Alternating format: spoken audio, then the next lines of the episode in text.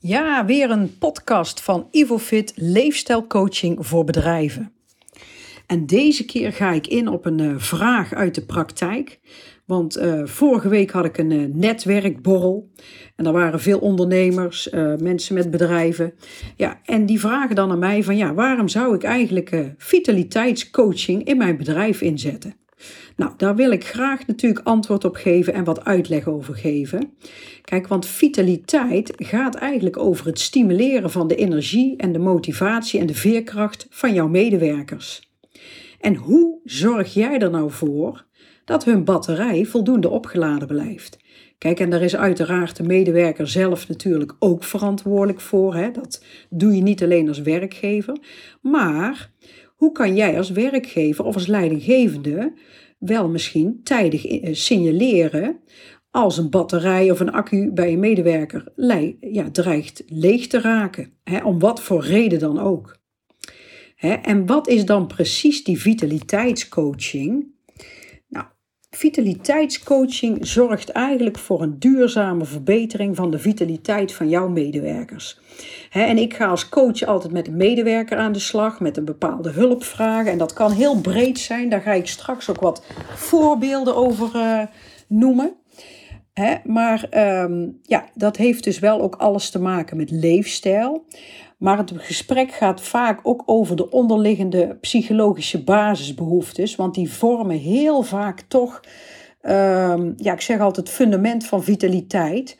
Hè, en die zorgen er ook voor dat als er een uh, gedragsverandering moet plaatsvinden op het gebied van leefstijl, dat dat ook duurzaam is, dat het beklijft, hè, dat het voor langere tijd is. Want dat is natuurlijk wel de bedoeling. Je wil uiteindelijk ook op de lange termijn wil je dat resultaat blijven boeken. Ja, en mijn vitaliteitscoaching die leidt tot minder verzuim, tot productievere medewerkers, Hè, en echt tot een duurzame gedragsverandering. Want ik kijk niet alleen naar leefstijlfactoren, maar ook naar mentale factoren. En daarom uh, ja, zie je veel eerder een langdurig resultaat. Want vitale mensen geven een vitaal bedrijf. En het is echt aangetoond in onderzoeken dat vitale mensen die zijn aantoonbaar gelukkiger, productiever. Ja, en dat heeft eigenlijk direct een positief resultaat ja, of effect op de resultaten van een organisatie. Want vitale medewerkers, die, ik zeg altijd, die staan eigenlijk aan de basis van het uh, succes van iedere organisatie. Je medewerker is eigenlijk gewoon je bedrijfskapitaal. en als ondernemer of ZZP'er ben jij zelf je bedrijfskapitaal. Maar waar moet ik nou zoal aan denken uh, bij vitaliteit vragen mensen dan. Nou, ik ga gewoon eens wat uh, voorbeelden uit mijn dagelijkse praktijk met jullie delen. En um, ja, dat is eigenlijk heel breed.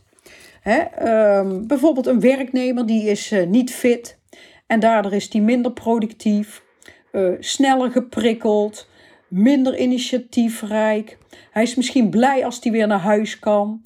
Ja, met zo'n medewerker ga ik dan aan de slag en dan ga ik kijken van nou, waar komt dat vandaan?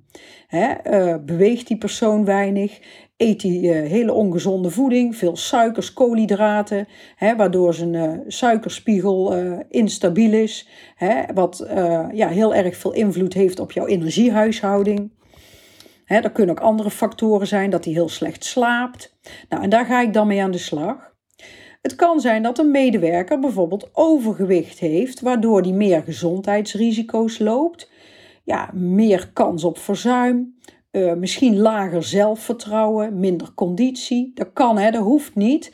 Maar goed, het is wel aangetoond dat mensen met overgewicht wel meer gezondheidsrisico's lopen. En er zijn ook gewoon heel veel medewerkers die er graag wat aan willen doen maar die, waar, die daar wel hulp bij nodig hebben. Of een, uh, ja, een, uh, een, een, steun, een, een stok achter de deur. Nou, en daar ben ik dan voor, zeg ik altijd. Nou, het kan zijn dat een medewerker slecht slaapt, om wat voor reden dan ook. Hè? Kleine kinderen, jong gezin, stress, piekeren, um, slechte um, ja, structuren, patronen, nog tot laat op allerlei beeldschermen zitten, gamen, noem maar op. Het kan van alles zijn. Bang zijn om te verslapen. Ja, en daar ga ik dan ook mee aan de slag. Want slapen is zo essentieel als jij niet goed slaapt, ja, dat heeft ook invloed op van alles. Hè? Op je energie, hè? op je gemoedstoestand. Ehm, ja, uh, je kan er zelfs uh, eerder overgewicht door uh, ontwikkelen. Dus um, ja, slaap is echt heel belangrijk. Hè? Dat weten heel veel mensen niet.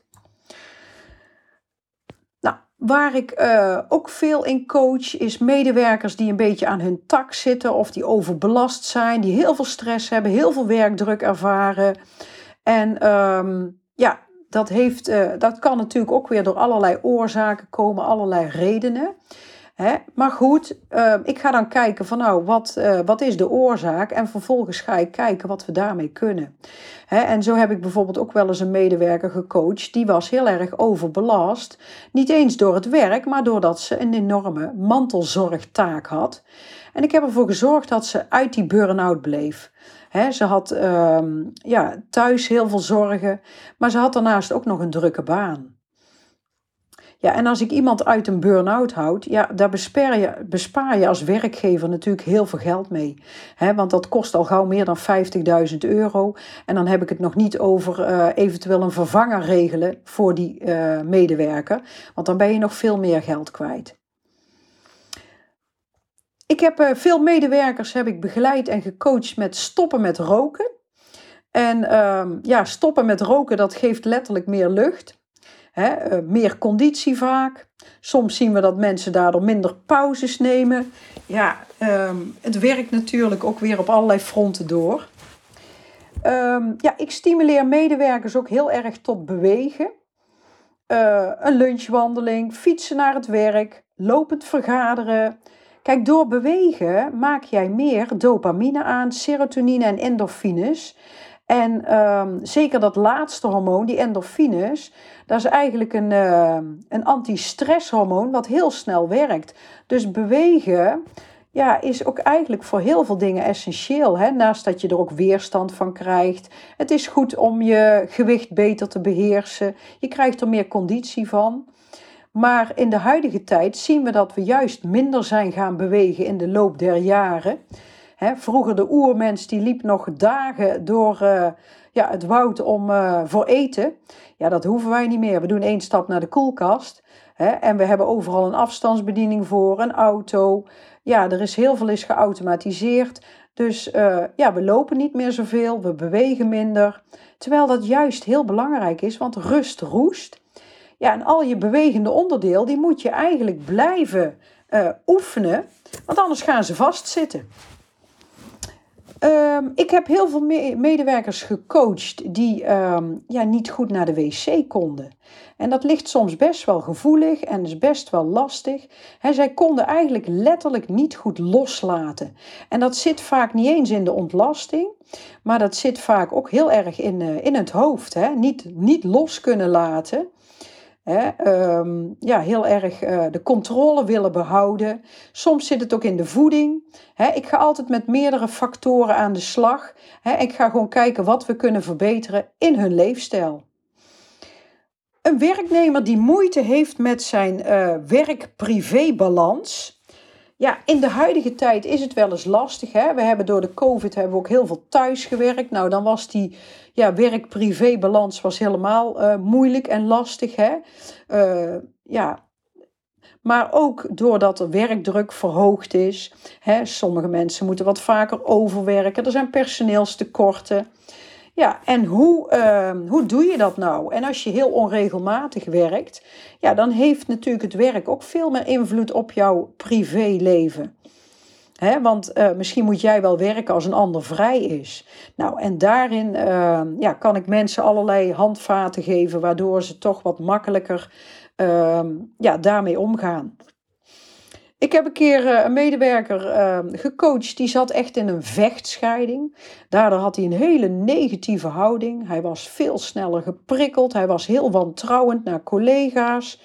Hij was niet fit, hij was hè, veel meer moe. Hij meldde zich heel laagdrempelig ziek. Was heel vervelend voor de werkgever, maar ook voor die medewerker, want die zat echt in een negatieve spiraal. En ja, ik ben echt met hem aan de slag gegaan. Dat hij echt letterlijk stopte met vechten. Hè, en dat hij echt ehm, ja, meer dingen ging loslaten, er anders in ging zitten. Hè, zijn leefstijl uh, gezonder ging maken, waardoor hij weerbaarder werd. En ehm, ja, ook heel anders in die scheiding kon gaan zitten. En dat was ten bate van zowel de medewerker als uh, de baas, zullen we maar zeggen. Ik heb medewerkers gecoacht die uh, heel laag in hun zelfvertrouwen zaten, laag zelfbeeld. Daardoor durfden ze geen nee te zeggen, vonden ze het moeilijk om uh, initiatieven te nemen. Um, ja, weet je, dat heeft natuurlijk ook heel veel invloed op je gedrag. En met dat zelfvertrouwen kunnen we zeker aan de slag. Dus, uh, en dat is ook altijd heel erg leuk om te zien hoe mensen dan gaan groeien, uh, gaan veranderen, dingen gaan verbeteren. Hè? En uh, dus dit zijn eigenlijk gewoon eens wat praktische voorbeelden wat je, hè, waar je aan kan denken bij uh, leefstijl of vitaliteitscoaching binnen je bedrijf. Nou, ik hoop dat dat wat inzichten heeft gegeven. Mocht je nog vragen aan mij hebben of je wil daar een keer met mij over babbelen, nou, laat een reactie achter. Kijk eventueel ook op mijn website www.ivofit.nl. Uh, je kan ook nog, als je wat meer van mij wil horen of zien, op mijn YouTube-kanaal kijken. Of inderdaad een uh, podcast luisteren. En mocht dit interessant zijn voor iemand die je kent, nou deel gerust ook mijn, uh, mijn afleveringen. En dan zou ik zeggen, graag tot een volgende keer.